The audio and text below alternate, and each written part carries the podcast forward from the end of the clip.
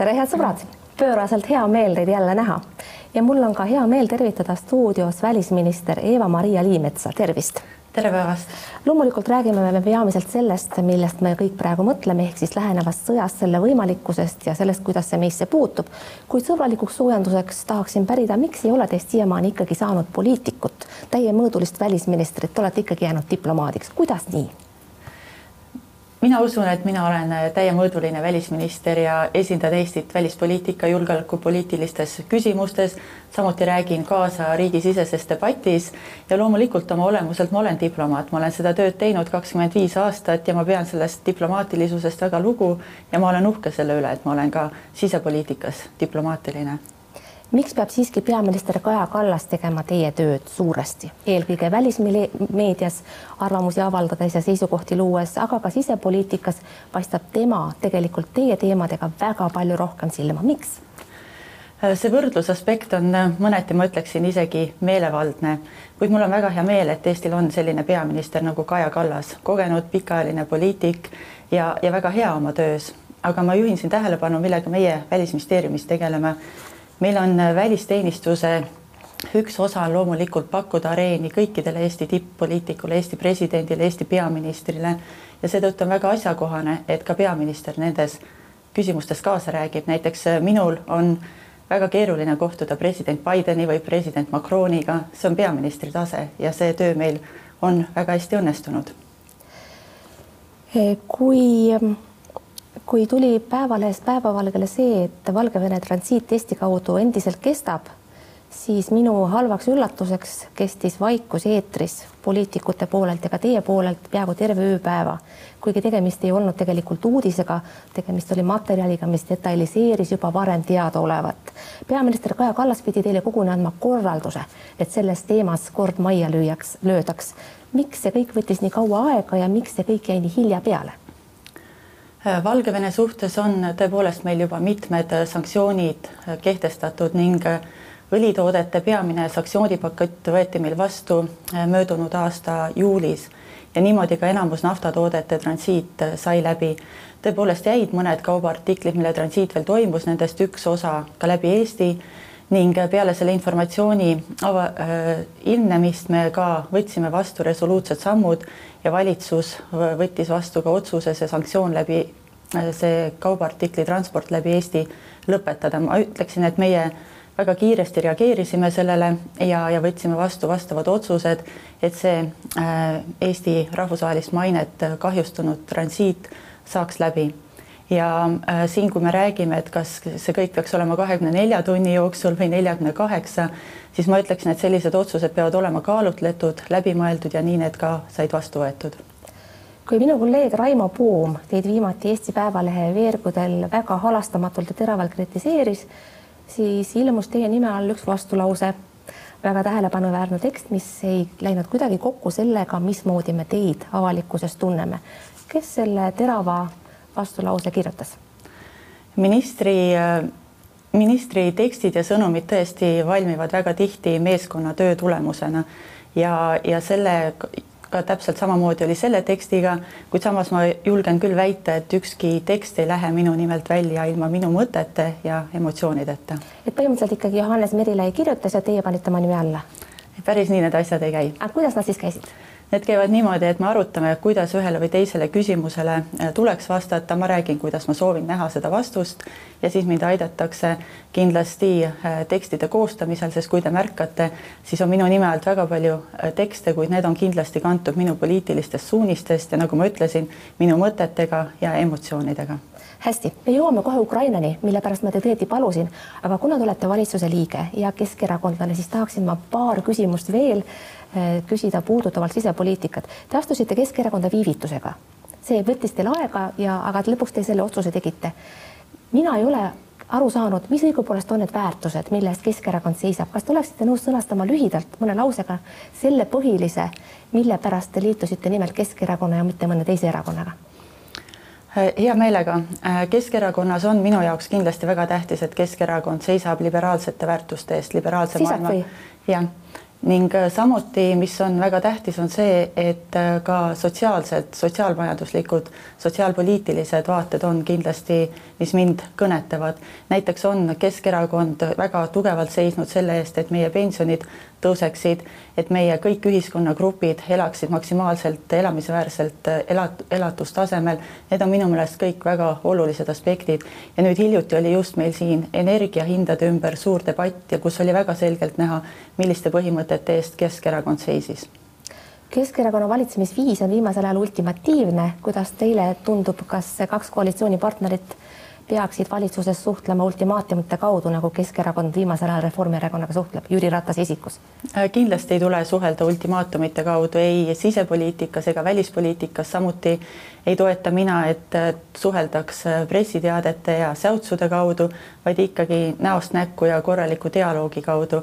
ja ma usun, et seda ka tehakse ja see, et valitsus võtab vastu otsuseid viib ellu poliitikaid, see ilmestab ka, et koalitsioon on tugev ja liigub kenasti edasi. aga mis asja see Jüri Ratas ikkagi siis koos Seedriga ajas seal Viljandis, räägitakse, et vana võimuliit on talle märksa armsam kui praegune. Te kindlasti küsisite, armas Jüri, mida sa tegid seal Viljandis, mis juttu te Seedriga ajasite, mis ta vastas teile?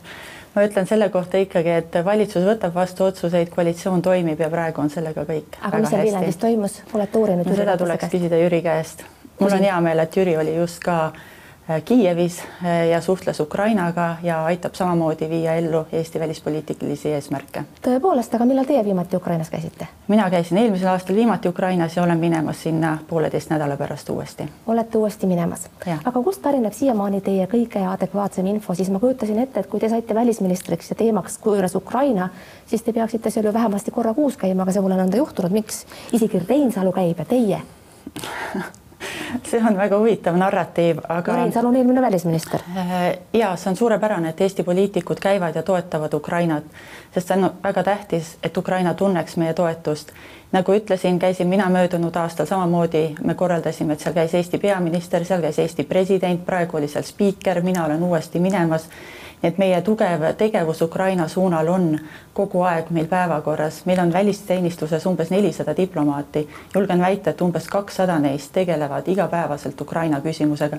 Ja minu jaoks on väga tähtis, et meie poliitika meie diplomaatideni jõuab ja me kõik tegutseme ühise eesmärgi nimel kui hästi me oleme valmis selleks, et tõepoolest sõda puhkeb, me eelistame küll rääkida eskalatsioonist, kuna Ukrainas käib sõda juba kaheksa aastat, aga noh, meie räägime sõja algamisest siis selles mõttes, et äh, Ukrainad võiksid rünnata need Vene väed, kes on kogunenud siis Ukraina piirile. kui tõenäoline on teie hinnangul, et säärane rünnak tõepoolest aset leiab? Need rohkem kui sada tuhat meest. Ja Need äh, praegu need äh, vägede koondumised uuesti Ukraina piiride ümber on loomulikult sellised sündmused, millele me igapäevaselt tähelepanu pöörame ja kahetsusväärselt me peame sellega tegelema. ehk me peame tegelema sellega, et hoida Euroopas ära järgmist suurt sõda ja me oleme tõepoolest näinud, et me, et neid vägesid tuleb juurde, mitte ei jää vähemaks. seetõttu me peame arvestama kõikide stsenaariumitega kuid mis on oluline, ma tõepoolest ikkagi tahaksin rõhutada, et on väga suur lootus, et diplomaatilised pingutused kannavad välja ja see sõda suudetakse Euroopas ära hoida see on nüüd väide, mida ma paluksin teil täpsustada, sellepärast et äh, siin on hästi palju taustu, mida avada ja arvatavasti teie olete kõige sobivam inimene seda tegema. see on ka see, mida meile tegelikult väitis äh, president, Prantsusmaa president Macron oma värskes, värskes visiidis ja värsketes kohtumistes, et ta justkui olevat saavutanud selle, et, et see konflikt ei eskaleeru. kuid äh, missugusel, missugune on alus väita, et see tõesti nii peaks olema? Et äh, praegu on diplomaatilised pingutused suunatud sellele jah, et äh, need, et see sõjaline konflikt ei eskaleeruks. meie jaoks on kindlasti väga tähtis ka see, et see ei toimuks ei meie arvelt ega Ukraina arvelt.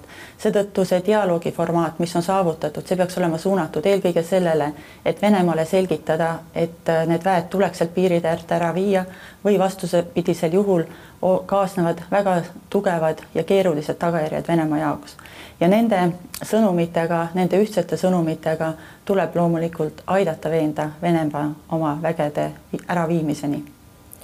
Kelle võimuses peaks olema saavutada seda, et Venemaa need väed sealt, et Putin ütleks hea küll, olgu, ütlesite, et ma vii, viiks need väed siit ära ja tõesti ma viin, no andke andeks, ei käi ju vist nii.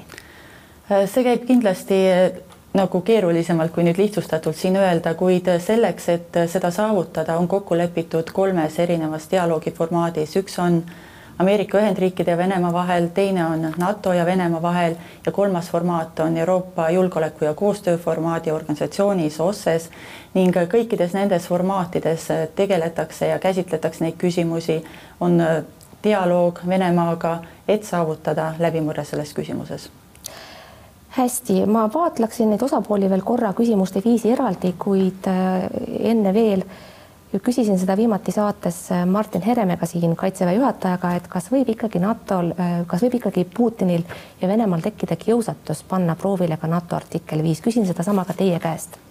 seda mina praegu ei usu kindlasti, ma ei usu, et selline tahe seal on. Herem ütles, et juhul, kui Venemaa peaks saavutama mingisugust edu Ukrainas moel või teisel, siis võib tal tekkida see kiusatus mitte selle, küll aga näiteks järgnevate aastate jooksul, kuidas seda kommenteerite?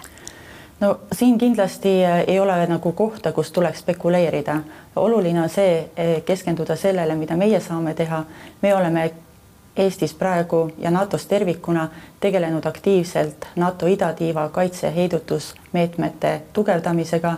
just eile NATO peasekretär Jens Stoltenberg koos Briti peaminister Johnsoniga ütlesid ja kinnitasid seda, milliste konkreetsete tegevustega tugevdatakse kaitse ja heidutust siin idatiival, sealjuures Eestis. Need on selged tegevused, millega me panustame sellesse, et igasugused spekulatsioonid selle kohta, kuidas või kas NATO riike tuleks keegi ründama, on ära hoitud. Stoltenberg oli tegelikult üsna murelik, tema toon oli tegelikult väga-väga murelik. Teie seda muret siis ei jaga, ma saan aru? Me oleme kõik murelikud, me oleme loomulikult kõik murelikud sellepärast, et Vene väed on koondatud uuesti ümber Ukraina piiride ja sõjalise pinge tekitamisega püütakse läbi suruda poliitilisi eesmärke. me oleme selle pärast kõik väga mures ja sellepärast me igapäevaselt kõik selle küsimusega tegeleme. no hästi, sügav muretanke ei peata, juhul kui nad peaksid tõesti liikuma hakkama.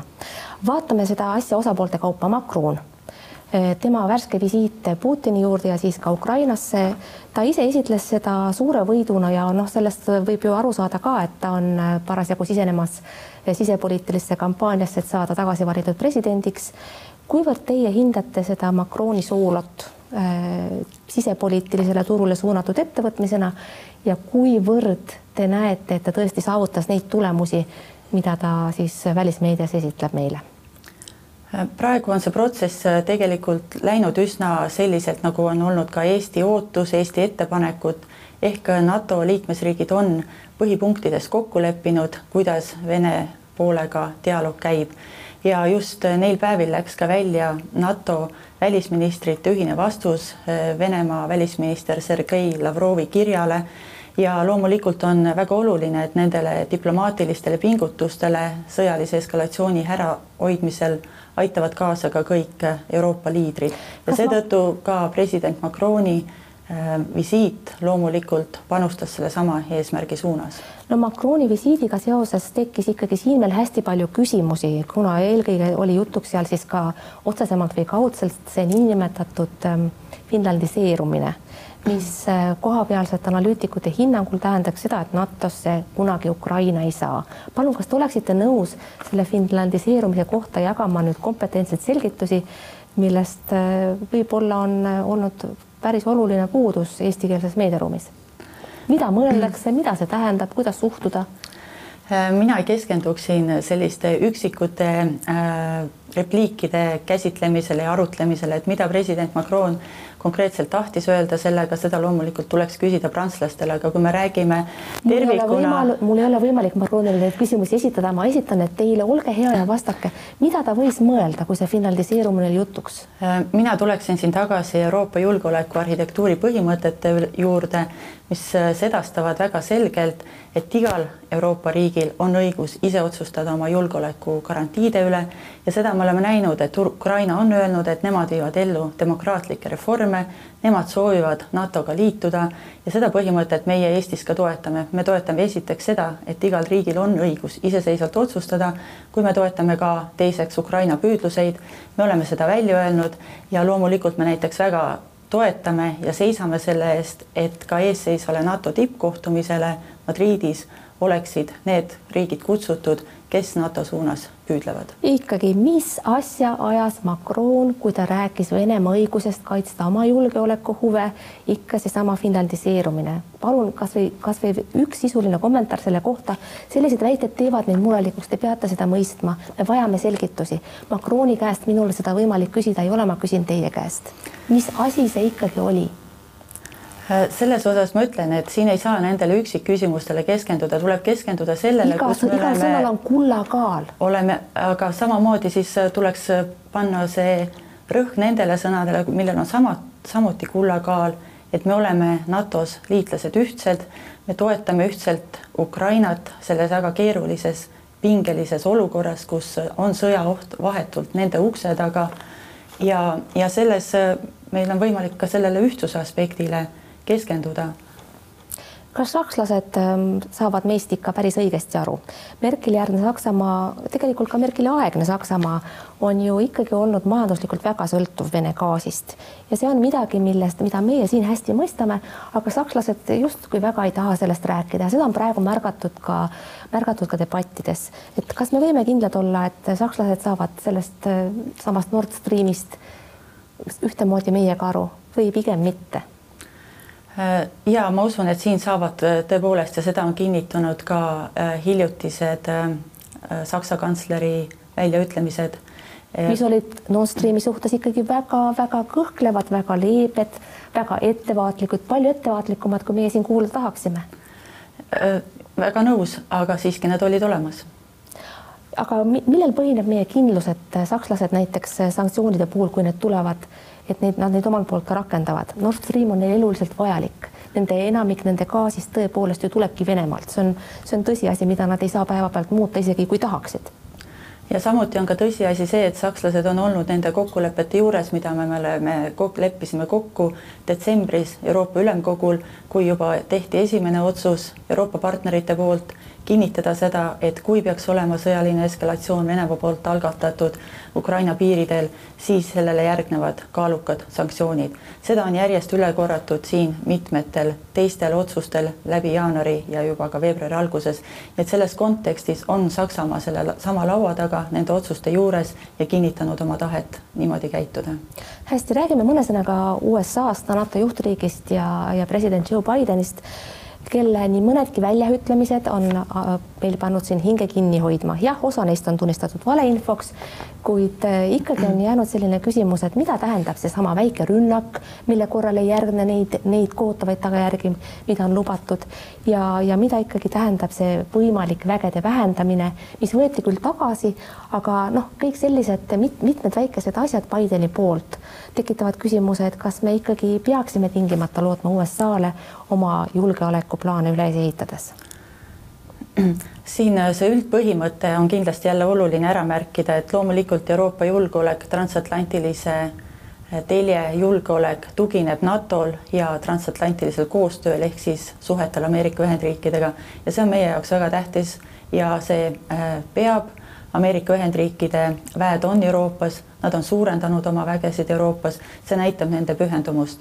jällegi, kui me siin otsime mingeid üksikuid detaile, kus võib-olla keegi on äh, arutlenud millegi üle, see on ka üks põhjus, miks mina eelistan eetris mitte spekuleerida, sest neid sõnu sageli tõlginda-, tõlgendatakse seejärel väga meelevaldselt, siis minu meelest selle tuleks jätta kõrvale ja keskenduda sellele, kus me oleme ühtsed selged ja Ameerika Ühendriigid ja Euroopa partnerid praegu tegutsevad väga selgelt koos koordineeritult, et toetada Ukrainat, et ära hoida sõjaline eskalatsioon ja et tugevdada nii NATO-t kui NATO idatiiva praegu keerulises julgeolekuolukorras. no aga ikkagi, kuidas saab USA president endale lubada selliseid väljaütlemisi, mis löövad hinge kinni tervel maailmal, meil siin iseäranis?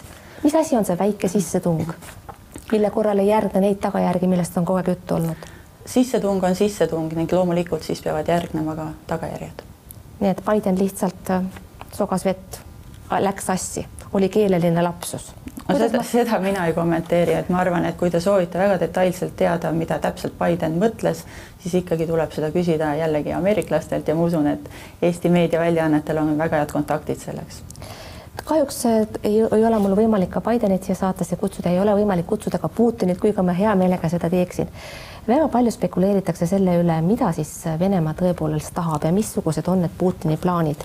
ja üks võimalik viide on siis ka sellele tehtud, et juhul kui äh, Venemaa saavutab teatud edu Ukrainas, äh, siis võib ta leppida sellega, et äh, suuremat sõda ei puhke kui tõenäoliseks sellist stsenaariumit pidada, et ta saab sealt mingisuguse oma niinimetatud Krimm kahe ja konflikt ei eskaleeru tõsiseks, tõsisemaks väga,, väga-väga tõsiseks niimoodi, et sellest puhkeks suurem sõda Euroopas? no praegu ikkagi tuleb keskenduda sellele, et see võimalik sõja puhkemine hoitakse läbi diplomaatiliste pingutuste ära. mida Venemaa soovib, seda on Venemaa välja öelnud, seda on Venemaa sedastanud Euroopa teistele liitlastele, partneritele ka kirja teel ja meil on väga selge, mida ta soovib, kuid ähm, meil on ka täiesti selge, et see viis, kuidas neid eesmärke soovitakse saavutada, on vastuvõetamatu. kui siiski läheb halvasti, kui siiski läheb nii halvasti ja puhkeb sõda, siis väga tõenäoliselt jõuab see moel või teisel ka meieni. kas te võiksite mõne lausega kokku võtta, milleks me peame olema hal-, valmis halvima stsenaariumi korral? Halvima stsenaariumi korral peaksime me olema valmis loomulikult julgeolekukriisis kõiki selle kaasnevaga, äh, kuid ma siin ikkagi ei läheks jälle spekulatsioonidesse, sellepärast et äh, sel juhul äh, need hakkavad levima meediaruumis ja see ei ole põhjendatud, küll aga mida ma saan öelda, on see, et Eesti riigis me oleme kõikideks stsenaariumiteks ette valmistunud.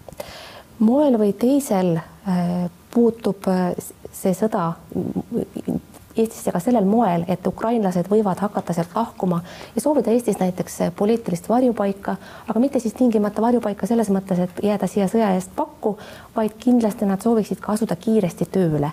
kas näiteks Välisministeeriumil ja Eesti valitsusel tervikuna on konkreetne plaan selle kohta, kuidas võimalikke Ukraina töölisi ja näiteks ka ettevõtteid aidata juhul, kui nad soovivad oma tegevust jätkata näiteks Eestis ja panustada Eesti majandusse praegu, kui me räägime tõesti sellistest võimalikest stsenaariumitest, kus Eesti, Eestisse oleks migratsiooni oht ja siin kindlasti me ei räägi poliitilistest põgenikest, vaid ikkagi ma ütleksin pigem sõjapõgenikest, sest ka nende hulgad oleksid sel juhul suuremad, siis loomulikult selle jaoks on ette valmistatud Eestil ka äh, kriisiplaanid.